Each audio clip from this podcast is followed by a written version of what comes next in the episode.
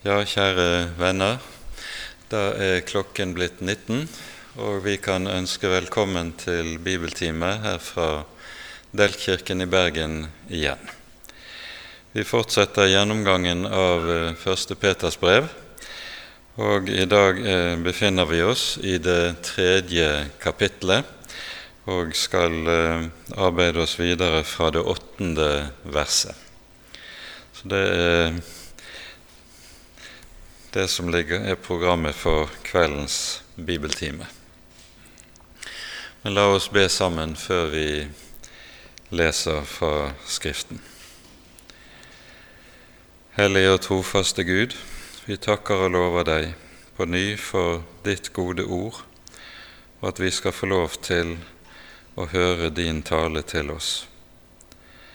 Takk, Herre, for at du selv møter oss i Ordet og at vi lærer deg å kjenne gjennom Ordet. Nå ber vi at du vil være hos oss med din Hellige Ånd, og at du vil åpenbare din Sønn og din gode vilje for oss, at vi kan få kjenne deg rett, slik som vi trenger det for at vi også kan nå målet hjemme hos deg. Fri oss, Herre, og frels oss fra våre egne tanker, og før oss inn i det som er dine tanker. Det ber vi, gode Herre, i Jesu navn, og takker og lover deg fordi du er god, og din miskunnhet varer til evig tid. Amen. Det er altså sånn at vi i dag begynner med det åttende verset i kapittel 3 i første Peters brev. Det som eh, Peter her gjør, det er at han sammenfatter det som er sagt i det foregående. Som vi har sett, så møter vi andre delen av kapittel 2 og første delen av kapittel 3 det som kalles for hustavlene i eh, Peters brevet. Eh, som taler inn i konkrete enkeltsituasjoner. Og så, når vi kommer til det åttende verset, så sammenfatter Peter det hele i mer allmenne formaninger. Så la oss da lese fra vers 8, og vi leser ut kapittelet i Faderens, Sønnens og Den hellige ånds navn. Til slutt har alle ett sinn. Vær medlidende, kjærlige mot brødrene, barmhjertige og ydmyke, så dere ikke gjengjelder ondt med ondt eller skjellsord med skjellsord, men heller velsigner, for dere er selv kalt til å arve velsignelse. For den som vil elske livet og se gode dager, han skal holde sin tunge fra ondt og sine lepper fra svikefull tale.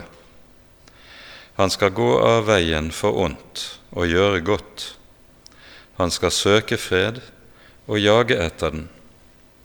For Herrens øyne er over de rettferdige, og hans ører er vendt til deres bønn.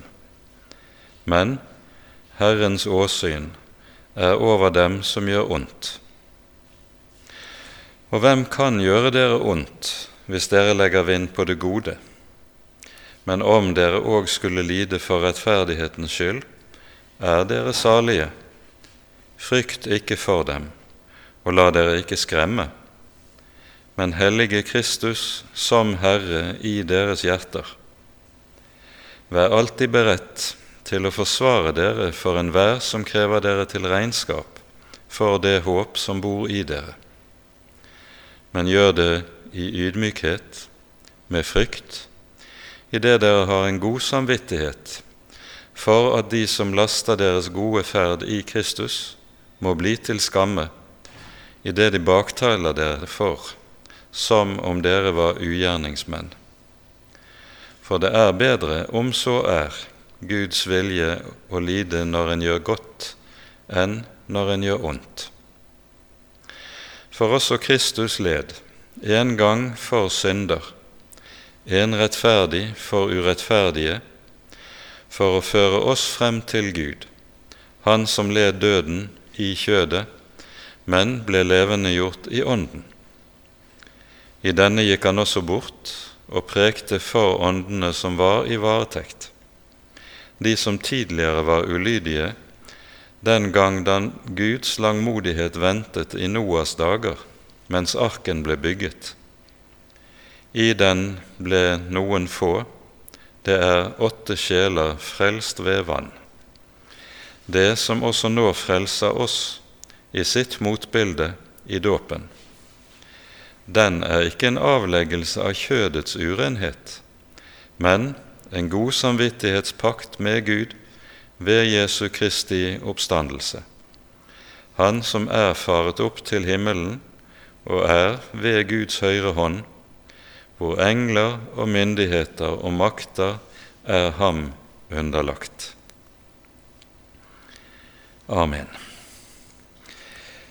Jeg vet ikke om vi rekker å gå gjennom hele dette avsnittet i kveld. Det får vi se hvor lang tid vi trenger. Men avsnittet begynner altså i det åttende verset med at Peter sier 'til slutt'. Det er, betyr at det avsnittet som vi her møter, det er ordene fra vers 8 til vers 12. Det danner så å si konklusjonen på det som har vært sagt i det foregående avsnittet fra andre halvdelen i kapittel 2 og frem til hit.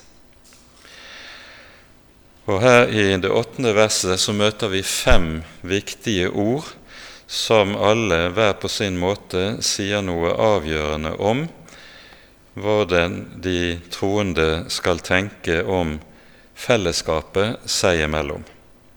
Det er sånn at Når det gjelder det vi hører i vers 8, så taler Peter om det som skal være det innbyrdes forhold mellom de troende.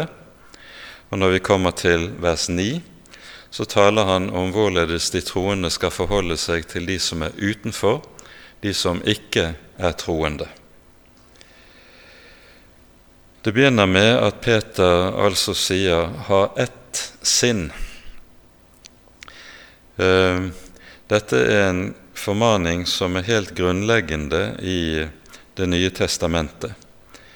Den henger sammen med Jesu forbønn i Johannesevangeliets 17. kapittel når han ber om at alle må være ett, like som du, Fader, er i meg og jeg i deg. At de må være ett, like som oss. Og vi møter på denne måten tallrike oppfordringer til at de troende skal ta, bevare enheten seg imellom i Det nye testamentet. Eh, det ordet som her er oversatt med 'ha ett sinn', det kunne vel også oversettes med 'ett sinnelag' eller 'én tanke'. Og vi hører Paulus f.eks. laster menigheten i Korint fordi de der har eh, tydelige tendenser til splid innad i menigheten. Vi hører dette er noe som Paulus adresserer allerede i det første kapittelet. En sier 'jeg holder meg til Paulus', en annen til Apollos, en tredje til Kefas osv. Og, og dette vender han tilbake til i det tredje kapittelet og sier at dette vitner om at de korintiske kristne er kjødelige kristne. De er så umodne i sin kristendom at de pga. grunn av egensindighet risikerer å skape sår i menigheten, i den enhet som skulle være mellom de troende. Vi hører tilsvarende understrekes i, både i Filippabrevet, i Romerbrevet og i Efeserbrevet. Kanskje særlig skal vi peke på det som sies i Efeserbrevet i det fjerde kapittelet om nettopp dette temaet. Efeserbrevet er jo på en særlig måte menighetsbrevet i Det nye testamentet, som taler mer dyptpløyende om hva den kristne menighet egentlig er for noe, enn noen av de øvrige brevene i Det nye testamentet. Og I det fjerde kapittelet så møter vi en formaning i de tre første versene, som lyder slik.: Jeg formaner dere altså, jeg som er en fange for Herrens skyld, at dere vandrer slik det er verdig for det kall dere er kalt med, med all ydmykhet og mildhet, med langmodighet, så dere bærer over med hverandre i kjærlighet og legger vind på legger vind på å bevare Åndens enhet i fredens sambånd. Og så kommer begrunnelsen i de tre neste versene. Fordi dere, dere er ett legeme, og dere er én ånd, liksom dere ble kalt med ett håp i deres kall. Det er én Herre, én tro, én dåp, én Gud og alles Far, Han som er over alle og gjennom alle og i alle. Troens enhet, en, denne grunnleggende i at vi har én tro, én Gud, én Far osv., det er det som utgjør grunnlaget for at de troende også skal være ett. Og denne troens enhet, den formanes de altså til aktivt å ta vare på. Det sto i vers 3 legg vind på å bevare Åndens enhet i troens sambånd. Legg vind på, og det er et veldig sterkt uttrykk i grunnteksten. Der en ikke gjør det, der lever man Det ser vi i tråd med det første verset her i Efesane 4. Der lever man uverdig som kristne. Så dette er altså det første ordet som møter oss når Paulus taler om det innbyrdes forhold mellom de troende. Ha ett sinn. Dernest følger det 'vær medlidende'. Det ordet som her brukes i grunnteksten, det er et ord vi har som fremmedord i ordet sympati, som betyr bokstavelig å lide sammen med. Og det er noe vi også hører i eh, andre sammenhenger i Nye testamentet. Paulus sier f.eks. i Romane 12.: Gled dere med de glade, gråt med de gråtende. En kristen skal så å si leve med i det som er de medtroendes sorg og glede, for dette er en del av enheten. Og når eh, Paulus i um, første Korinterbrev taler om at de kristne er som et legeme. Der understreker han samme sak og peker på hvorledes at det er at når ett lem lider, da lider alle de andre lemmene med. Så det er denne samhørighet i Kristi legeme som understrekes også med dette ordet. Så kommer det tredje begrepet som anvendes, kjærlige mot brødrene. Her møter vi det ordet som heter Philadelphia på gresk, som betyr broderkjærlighet bokstavelig. I eh, sekulær gresk ble dette ordet anvendt om den naturlige kjærlighet som var mellom venner eller innad i en familie. Men i Det nye testamentet brukes dette ordet eksklusivt om den kristne kjærligheten som er mellom de troende. Så kommer det i det neste ordet 'barmhjertige'. Og Det greske ordet som anvendes her, det eh, har med det at en skal si bokstavelig, Om du oversetter ordet bokstavelig, så betyr det å føle godt for et annet menneske. Men eh, ordet barmhjertighet i eh, Det nye testamentet er eh, i all hovedsak en oversettelse av et tilsvarende ord i Det gamle testamentet, som har som stamme et begrep som betyr morsliv. Det er morens kjærlighet til barnet som er det grunnleggende tanken i barmhjertighetsbegrepet. Og så kommer det siste ordet å være ydmyke. Det greske ordet som anvendes her, det betyr bokstavelig å tenke lavt, tenke lavt om seg selv. Og Det er viktig å være oppmerksom på at når Det nye testamentet anvender begrepet ydmykhet som noe av et grunnideal for Guds folk, så var ydmykhet i både i den greske og den romerske verden og tenkning slett ikke et ideal. Tvert om, de som var ydmyke, de ble sett ned på som sveklinger. Det det var om å gjøre, det var nemlig å hevde seg. Og hvis et menneske ikke visste å hevde seg, så ville man heller ikke respektere det. Men i motsetning til dette så gir altså Det nye testamentet oss ydmykheten som en grunnleggende kristent ideal.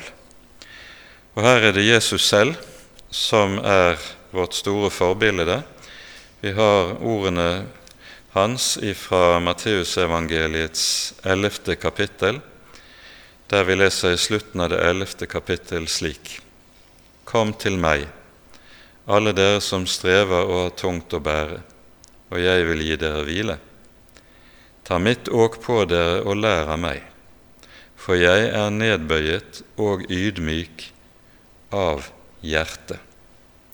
Så skal dere finne hvile for deres sjeler. For mitt åk er gagnlig, og min byrde er lett. At Jesus er ydmyk, det betyr ikke at han er en dott. Det vet vi meget godt fra hvorledes Jesus kan tale f.eks. til fariseerne.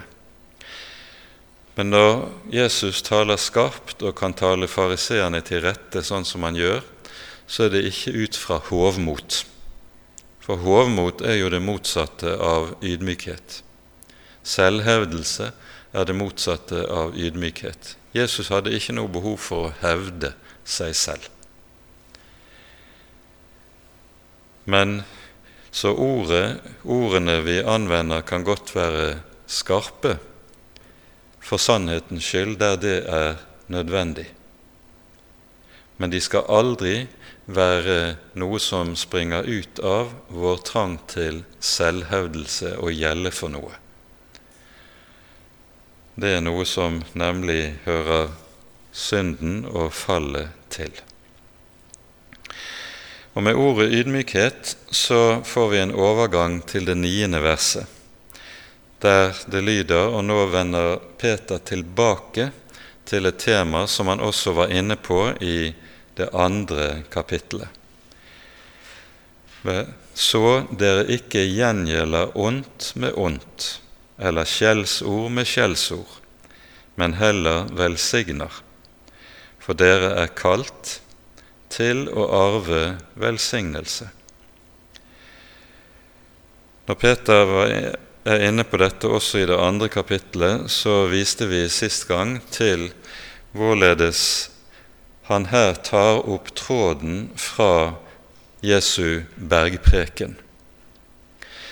I det femte kapittelet i bergprekenen er det jo slik at Jesus nettopp tar opp disse spørsmålene om gjengjeldelse og det å øh, gjøre sånn som spørsmålet som reises med spørsmålene Dere har hørt det sagt øye for øye, tann for tann. Men jeg sier dere, Sett dere ikke imot den som gjør ondt imot dere.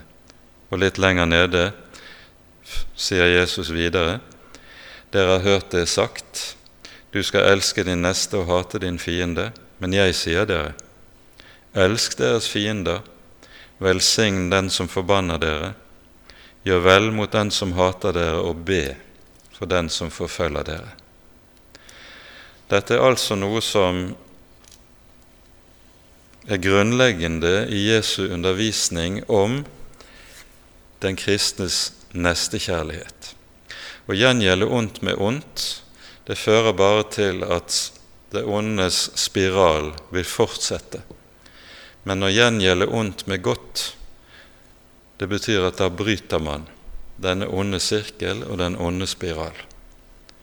Og det er det som de troende skal ha som peilepinne for livet sitt.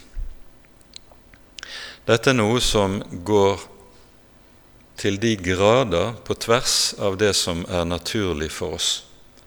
For, noen, for når mennesker møter oss med motvilje, med fiendskap, med onde ord, så reiser vi alltid bust. Det går helt automatisk i oss. Det er det som er vår natur. Men nettopp denne vår natur er det Jesus altså lærer oss at det er den som skal dødes og korsfestes og så skal vi gjøre godt mot den som gjør ondt imot oss. Det er ikke lett, for, og det å dø har heller aldri vært lett, men det gamle mennesket skal dødes. Og på dette området vi ser et av de virkelig radikale områdene Jesus anvender denne dødelsen av det gamle mennesket på. Når dette er sagt, så skal vi kanskje med ta med oss noe som ikke er uaktuelt i våre dager. Ikke gjengjelde skjellsord med skjellsord. Og i kapittel 2 nevnes det 'ikke true dem som truer dere'. Det finnes mennesker som bekjenner kristen tro som i kommentarspalter i medier og offentlige sosiale sammenhenger bruker et språk som er aldeles uverdig for kristen tro. Kristen, og på den måten så gjør de skam på Jesu navn. Krist, hvis kristne skal agere i sånn, disse medier offentlig, så skal man opptre høvisk, ikke true, ikke skjelle folk ut, men opptre nettopp slik som Jesus lærer oss i disse sammenhengene. Når du f.eks. hører at mennesker som bekjenner kristen tro, skriver til et menneske som har sagt noe som slett ikke kanskje er verken sant eller rett, og sier at du skal brenne i helvete i tusen år så er dette dypt usømmelig og aldeles ikke i tråd med det som er den kristne kjærlighet, og slik som både Jesus og Peter lærer oss at kristne mennesker skal tenke og leve. Dette er dessverre noe som er blitt meget aktuelt i de senere år. Og vi trenger å ta med oss Bibelens undervisning om disse ting også inn på disse områdene av livet. Det får være sagt som en parentes, men vi tar det med oss. Og Nå kommer det fra vers 10 til 12 et sitat fra Det gamle testamentet.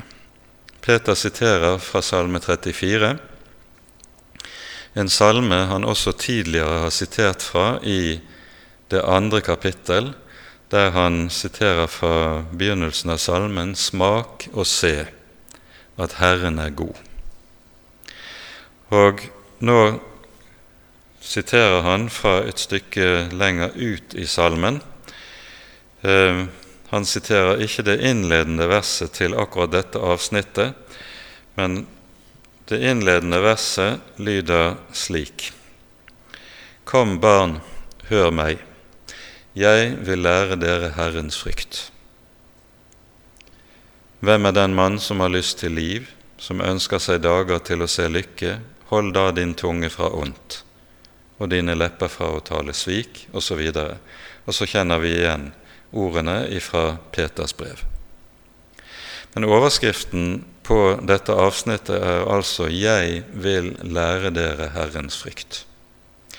Og Dette er altså noe Peter jo har vært inne på ganske sterkt allerede i det første kapittelet. Når Peter innleder de formanende avsnitt i det første kapittel, så er hovedformaningen nettopp dette som vi hører fra vers 14. Som lydige barn må dere ikke skikke dere etter de lyster som dere før hadde i deres uvitenhet. Vær etter den hellige som kalte dere, også dere hellige i all deres ferd. Og så i vers 17.: Når dere påkaller som far han som dømmer uten å gjøre forskjell, enhver etter hans gjerninger, da ferdes i frykt. Gudsfrykten er noe av overskriften som styrer tenkningen i de formanende avsnittene i Peters brev. Og Det samme gjelder også her. Vi legger merke til unnskyld, i sitatet fra Salme 34 at det legges stor vekt på det som har med våre ord å gjøre. Det er tungens synder som særlig her adresseres.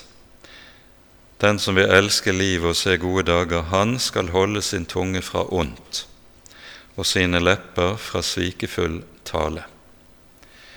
Og Som vi har vært inne på og pekt på tidligere, det meste onde som vi mennesker gjør, det gjør vi faktisk med våre ord. Våre ord kan skape uendelig mye ulykke. Det gjelder i alle menneskelige forhold. Det gjelder på arbeidsplasser, det gjelder i ekteskap, det gjelder i forhold mellom generasjonene. Våre ord kan ødelegge usigelig mye. Derfor er det også at Jesus tar opp dette temaet spesifikt i det tolvte kapittelet i Matteusevangeliet. Og vi tar oss tid til å lese disse versene i Matteus 12. Det er fra vers 33 og utover. Her står det slik.: La enten treet være godt og dets frukt god, eller la treet være dårlig og dets frukt dårlig, for på frukten skal treet kjennes. Ormeyngel, hvordan kan dere tale godt, dere som er onde?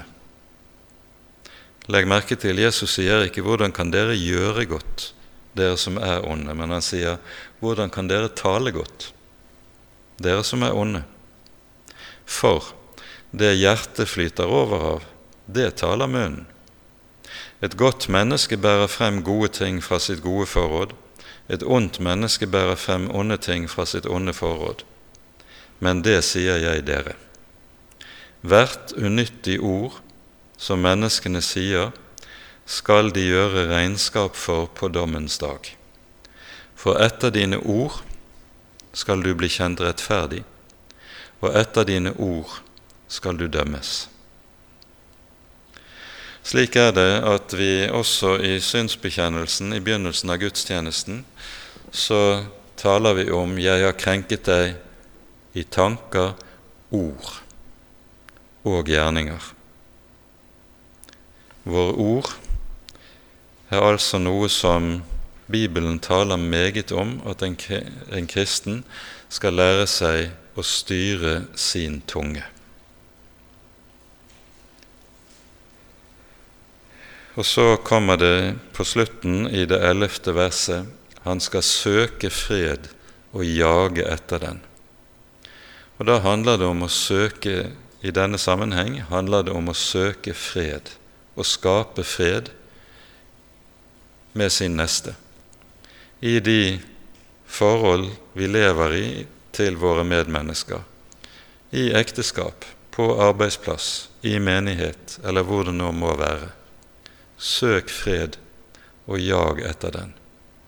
Og fred skaper en med gode ord, men ikke med onde ord.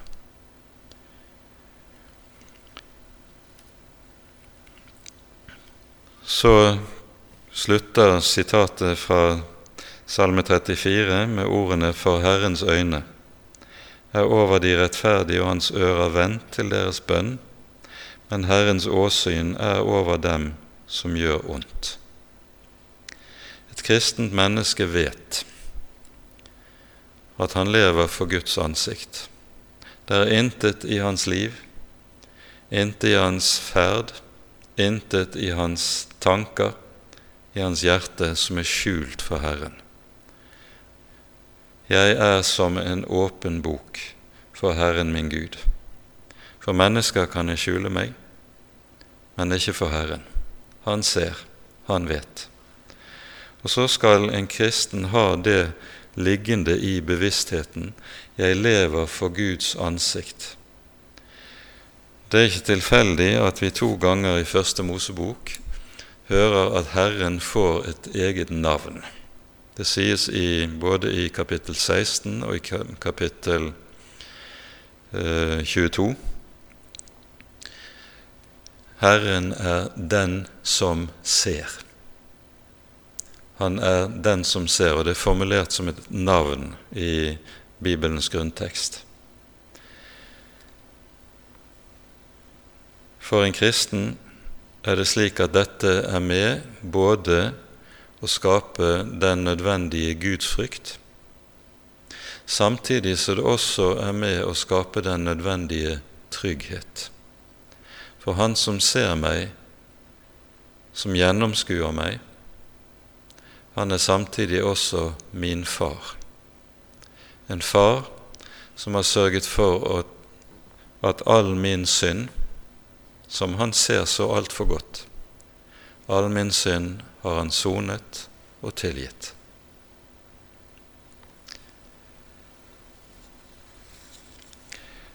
Når vi nå går videre her, så tar Peter opp igjen det som er et tilbakevendende tema i dette brevet.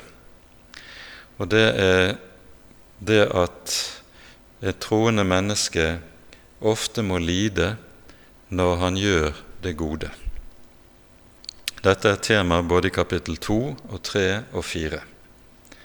Så det er altså noe apostelen vender tilbake til og underviser om fra flere ulike sider.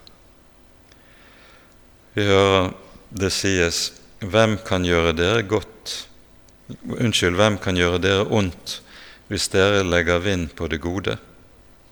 Men om dere òg skulle lide for rettferdighets skyld, er dere salige. Frykt ikke, og la dere ikke skremme. På ny er det sånn at grunnlaget for det som Peter her skriver, det er Jesu ord i bergpreken. Og Her er det den siste av saligprisningene som ligger i bunn. I den siste av saligprisningene hører vi Jesus si:" Salige er de som blir forfulgt for rettferdighetens skyld, for himlenes rike er deres. Ja, Salige er dere når de spotter og forfølger dere og lyver dere alle hånde ondt på for min skyld. Gled dere og fry dere, for stor er den lønn dere har i himmelen, for slik forfulgte de profetene før dere. Det er altså disse ordene som Peter anvender, og det er tydelig at Jesu bergpreken har satt dype, dype spor i Peters sinn, den, ut fra den måten vi ser han underviser menighetene i brevet her. Nå sies det altså hvem kan gjøre dere ondt hvis dere legger vind på det gode? Her er tankegangen den at om en skulle bli gjenstand for menneskers ondskap når en gjør det som er rettferdighet for Gud, så vil dette dypest sett aldri kunne skade. Tvert om, det virker slik som Jesus sier, 'Salige er dere'. Dette er jo en tematikk som Jesus også er inne på når vi kommer til det tiende kapittel i Matteusevangeliet. Her i det tiende kapittel har vi Jesu utsendelsestale, og der han advarer disiplene om hva som de kommer til å møte, nemlig menneskers fiendskap og motstand jeg sender dere som får midt iblant ulver, sier han. Frykt ikke for dem. Og så advarer Jesus mot menneskefryktens fare. Og menneskefrykt, det er noe som ligger dypt nedlagt i oss alle. Og nettopp derfor tar Jesus også denne sak opp veldig tydelig og poengtert i Matteusevangeliets tiende kapittel. Og Vi vender tilbake til Matteus og leser da fra kapittel ti.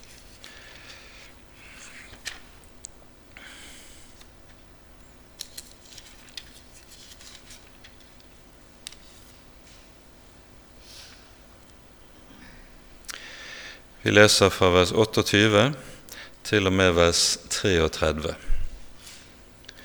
Frykt ikke for dem som dreper legeme, men ikke kan drepe sjelen. Frykt heller for Han som kan ødelegge både sjel og legeme i helvete. Selges ikke to spurver for én skilling, men uten deres far faller ikke én av dem til jorden men endog hårene på deres hode er tellet, alle sammen. Frykt derfor ikke, dere er mer enn mange spurver. Og så kommer det som møter oss også igjen i Peters brevet. Derfor, vær den som bekjenner meg for menneskene, ham skal også jeg kjennes ved for min Far i himmelen. Men den som fornekter meg for menneskene, ham skal også jeg fornekte for min Far i himmelen. For dette er jo det som Peter nå vender tilbake til. For det første sier han i møte med menneskefrykten skal dere gjøre det som står i vers 15. Hellige Kristus som Herre i deres hjerter. Hellige Kristus som Herre og legg merke til i deres hjerter. Når det taler om hjertet i Bibelen, så er hjertet det som er personlighetens sentrum. Det som alt annet i livet så å si springer ut fra. Og derfor, dersom Kristus ikke er helliget som Herre i hjertet, så er han ikke Herre for oss overhodet. Og så fortsetter det med, når dette er sagt om hvorledes vi skal imøtegå menneskefrykten, så fortsetter det Vær alltid beredt til å forsvare dere for enhver som krever dere til regnskap for det håp som bor i dere. Da har vi Jesu ord i Matteus 10 som ligger bak. Den som bekjenner meg for menneskene, han vil også jeg kjennes ved for min Far i himmelen, osv. Det er det som er tankegangen. Nå sies det her Det brukes et uttrykk som sier 'vær alltid beredt'. Og Du har et lignende uttrykk i 2. Timotius brev i det fjerde kapittel, der det står som formaning Timotius Forkynn ordet, vær rede i tide og utide. Det er noen som leser og siterer dette ordet i Timotius-brevet som om det sto 'forkynn ordet i tide og utide'. Det er å sitere Bibelen galt. Det står at vi skal være rede i tide og utide. Men mennesker som forkynner i utide, de kan være en plage for sin neste. Og vi skal vokte oss vel for at vårt vitnesbyrd om Jesus er noe som er en plage i den betydningen av ordet. Vær rede når dere blir kalt til regnskap. Vi har tidligere i disse bibeltimene talt om hvorledes de som trodde på Jesus, skilte seg radikalt ut fra det som gjaldt i samtiden, på grunn av sin avstandstagen til avgudsdyrkelsen. Og denne avstandstagen til avgudsdyrkelsen den var noe som samtidig førte til at folk stadig ville pirke borti de kristne. Hvorfor gjør dere sånn? Hvorfor er dere ikke med oss Hvorfor vil ikke dere utgi drikkeoffer for gudene? Det skulle man jo gjøre hver gang man satte seg til bords, f.eks. Så spilte man noen dråper vin som et offer til gudene. Det gjorde ikke de kristne. Og så vil de uvegerlig få spørsmålet. De ble kalt til regnskap gjennom at hedningene spør hvorfor. Hvorfor? Og så ble det foranledning til at de kunne avlegge vitnesbyrd om sin tro på Jesus.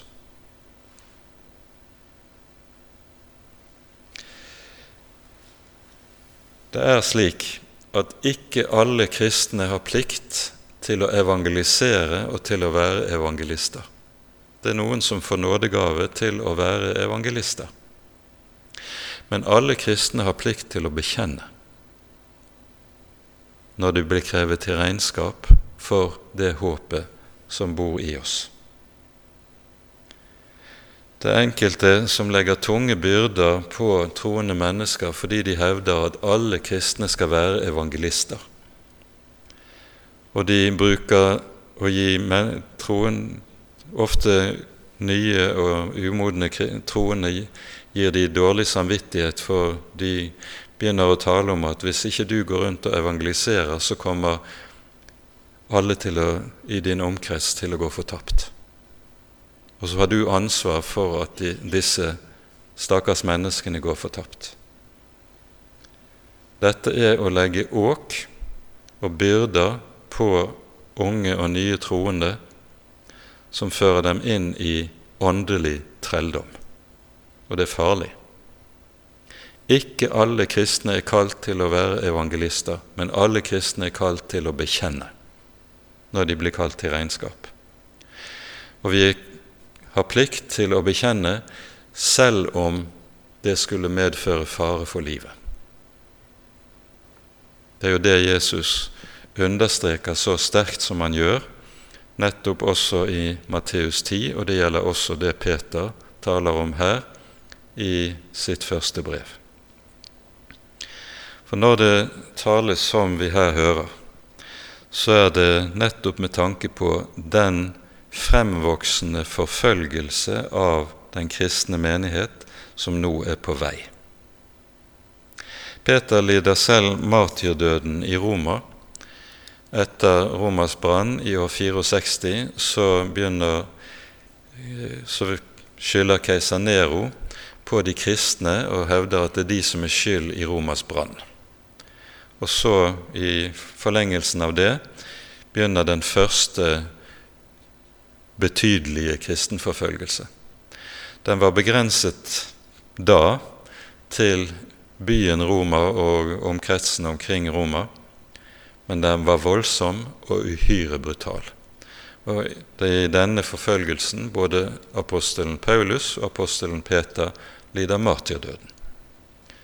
Antagelig begge to i år 67 etter Kristus.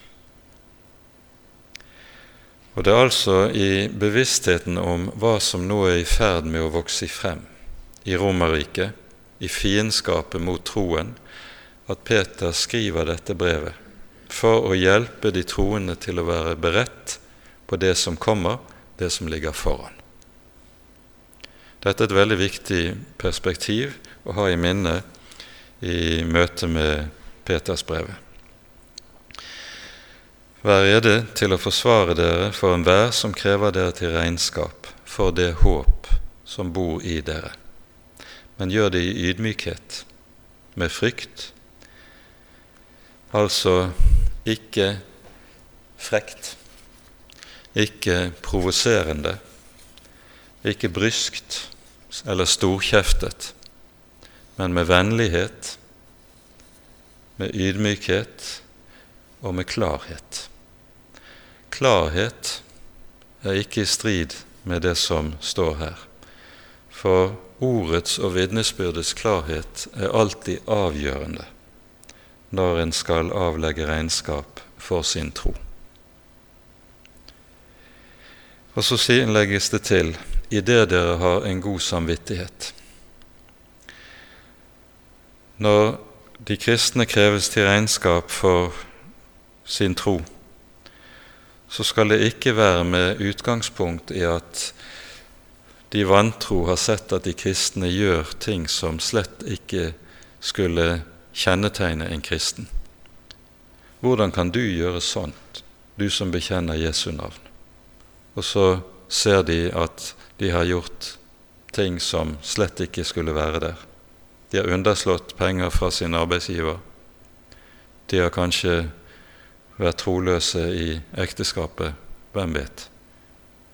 Hvordan kan du gjøre sånt, du som er en kristen? Slik skal Det er ikke det som skal føre til at en må avlegge regnskap for troen, men det er det at en gjør godt i Jesu navn. Da kan en gjøre det med det som her sies, med god samvittighet. Så kan de laste dere, men de blir til skamme fordi de ser den gode ferd, som Peter sier her. Og så siteres det til slutt en allmenn eh, regel. Det er bedre, om så er Guds vilje, å lide når man gjør godt, enn når en gjør ondt.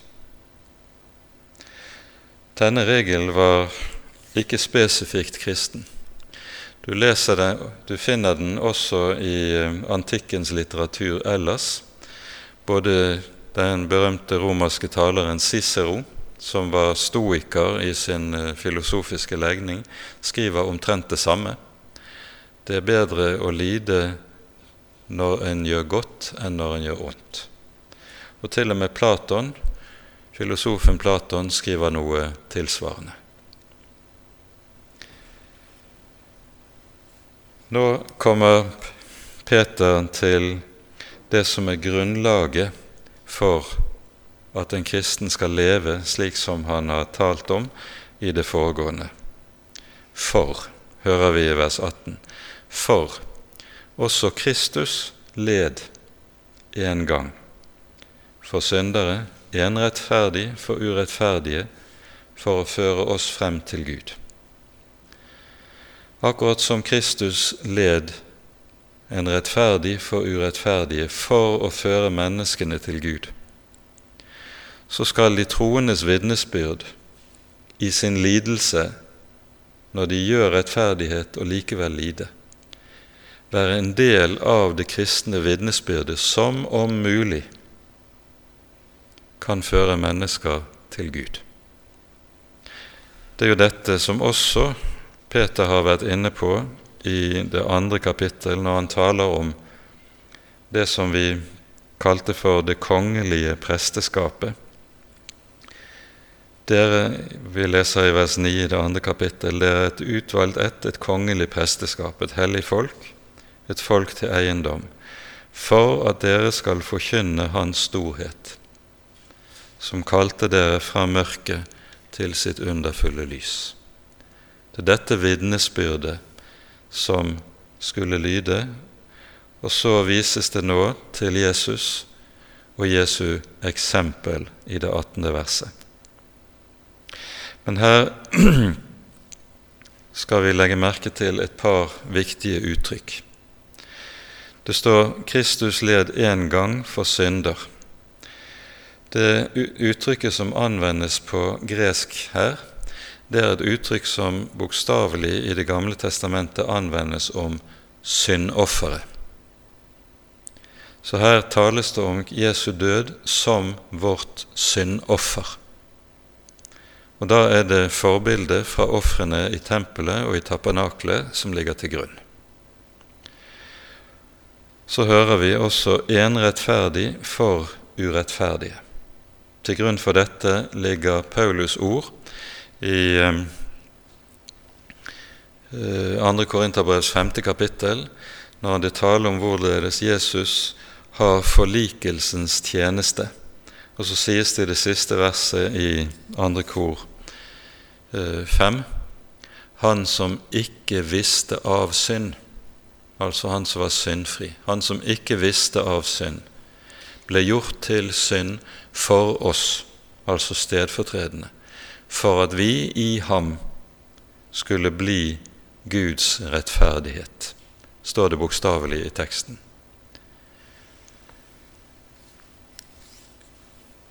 Det er disse grunnsannhetene som Peter her peker på. Og når Peter henter dette frem, så er det fordi den grunnleggende tankegang i kristentroen er dette at det er hva Jesus har gjort, som er grunnlaget for alt annet i det kristne livet. Så når vi nå har sett et formanende avsnitt, så begrunnes formaningene i hva Jesus er, og hva Jesus har gjort for oss. Så kommer det i det 19. verset noen ord som er blant de mest vanskelige i Det nye testamentet. Og tolkningene spriker i alle mulige retninger. Han som led døden i kjødet, men ble levendegjort i ånden, i denne gikk han også bort og prekte for åndene som var i varetekt. Nemlig, hvem er det, er det da tale om? De som tidligere var ulydige, den gang da Guds langmodighet ventet i Noas dager. Hva eller hvem er disse åndene som var i varetekt? Det er to hovedforklaringer. Det ene er de som heller til det du kan kalle for en myt mytologisk forklaring. Vi hører i Første Mosebok kapittel 6 om hvorledes Guds sønner så at menneskenes døtre var vakre, og gikk inn til menneskenes døtre og avlet barn med dem. Den mytologiske forklaringen mener at dette som her kalles for Guds sønner, det var falne engler, som så inngikk i seksuelt forhold med menneskenes kvinner, og så fødes den generasjonen som blir årsaken til syndfloden, den onde generasjonen. Dette må sies å være mytologi som er uten dekning i den bibelske virkelighetsforståelse. Det som er den rette forståelsen av disse ordene i Første Mosebok 6, det er at Guds sønner det er betegnelse på de som er Guds barn. Uttrykket kan også oversettes Guds barn, eller, og det er altså det ordet som anvendes om Guds folk. For vi finner i disse kapitlene i Første Mosebok to slektslinjer. Du har den slektslinje som nedstammer fra Kain. Den hører vi om i det fjerde kapittel i Første Mosebok. Det er her i Kains slektslinje du finner den første ugudelige og verdslige kultur vokse frem.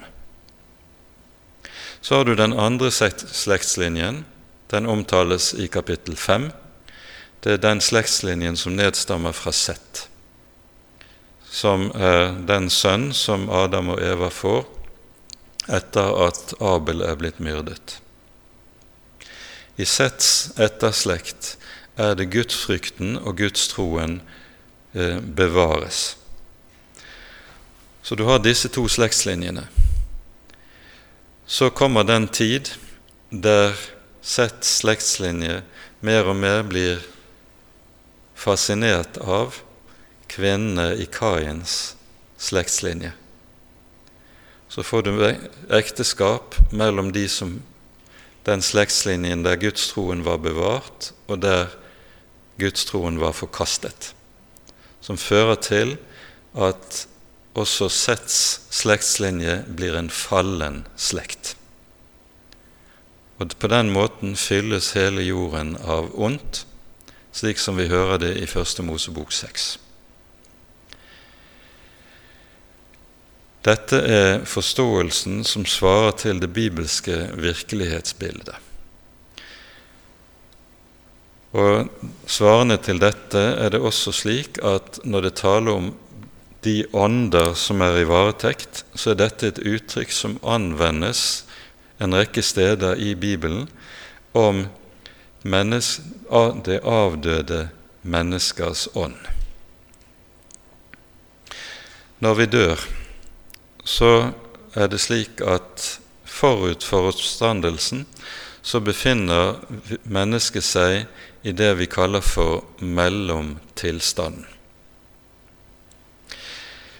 Mellomtilstanden består i Paulus beskriver det meget kortfattet for de troendes vedkommende. Han sier vi er borte fra legemet, hjemme hos Herren. Det er mellomtilstanden for de som har troen, og som lever med Jesus.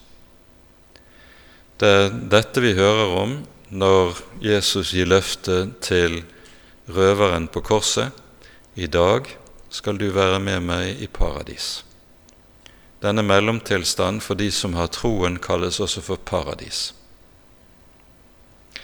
For de som ikke har troen, så kalles mellomtilstanden for dødsriket. Det er et sted der man er så å si i varetekt, akkurat som vi har varetektsfengsel for forbrytere som de må sitte i frem til de må få retten. Så kommer den dag der oppstandelsen kommer. Da kles Ånden på ny i legemet. Da er en ikke lenger borte fra legemet, men en er hjemme i legemet. Men mellomtilstanden beskriver altså den tid der mennesket ikke lenger har en legemlig eksistens. Men det er en har tydelig, sånn som Det nye testamentet sier det, det har en bevisst eksistens, men vi vet svært, svært lite ellers om dette. og Derfor skal vi være forsiktige med å si stort mer. Det er altså til disse ånder som var i varetekt, Jesus går bort og taler til. Det neste spørsmålet som har vært reist ut fra dette stedet, er jo hva er det Jesus taler til disse ånder som er i varetekt? Enkelte har tenkt og ment at Jesus forkynner evangeliet, slik at de skal ha mulighet til omvendelse etter døden. Det er ingenting i teksten som gir grunnlag for å forstå det slik. Og Derfor er det andre fortolkere som har ment at det Jesus gjør, det er at han forkynner dom for åndene i varetekt, som altså er en bekreftelse på den dom som kom med syndfloden. Men også dette er ting vi vet altfor lite om til å si svært mye om, og derfor skal vi være forsiktige med å si for mye. Paulus taler i 1. Korinterbrev 4 om at vi skal lære oss å ikke gå ut over det som skrevet står. Det vil si, vi skal være meget forsiktige med å spekulere over ting som vi ikke har forutsetning til å vite noe om. Der Guds ord tier, skal også vi tie. Og Det må være en grunnleggende regel for oss også i forhold til dette. Her sies det altså i denne gikk han bort og prekte for åndene som var i varetekt, de som tidligere var ulydige, gjenstridige, står det i den gamle oversettelsen, den gang Guds langmodighet ventet i Noas dager. Hva betyr det at Guds langmodighet ventet? Det sikter til det som står i Første Mosebok 6, der Herren, når han gir befaling til Noah om å starte byggingen av arken, så sies det også for menneskets villfarelses skyld skal dets tid være 120 år. Det går altså 120 år fra den dag Noah får befaling om å bygge arken, til syndfloden kommer. Disse 120 årene er syndflodsgenerasjonens nådetid. Og Det nye testamentet understreker at Noah var rettferdighetens forkynner. Han har vitnet for sin samtids mennesker. Men de har vendt ham ryggen. De har ikke hørt på budskapet, og derfor kalles de for, i denne sammenheng for gjenstridige. Og derfor går de under når den dom kommer som syndfloden dreier seg om. Her er det altså ting som vi i stor utstrekning må si at her vet vi ikke. Og så får det stå der. Nå går Peter videre til å tale om dåpen. Men nå tror jeg at vi har brukt så mye tid at vi skal kanskje sette punktum og ta det avsnittet neste gang. For eh, dette er et såpass viktig avsnitt, det som sies om dåpen i denne sammenheng, at vi kan ikke avspise det med noen få ord. Så jeg tror at dermed så setter vi punktum for kveldens bibeltime og si fortsettelse følger i neste episode. Ære være Faderen og Sønnen og Den hellige ånd, som var og er og være skal, en sann Gud, høylovet i evighet. Amen.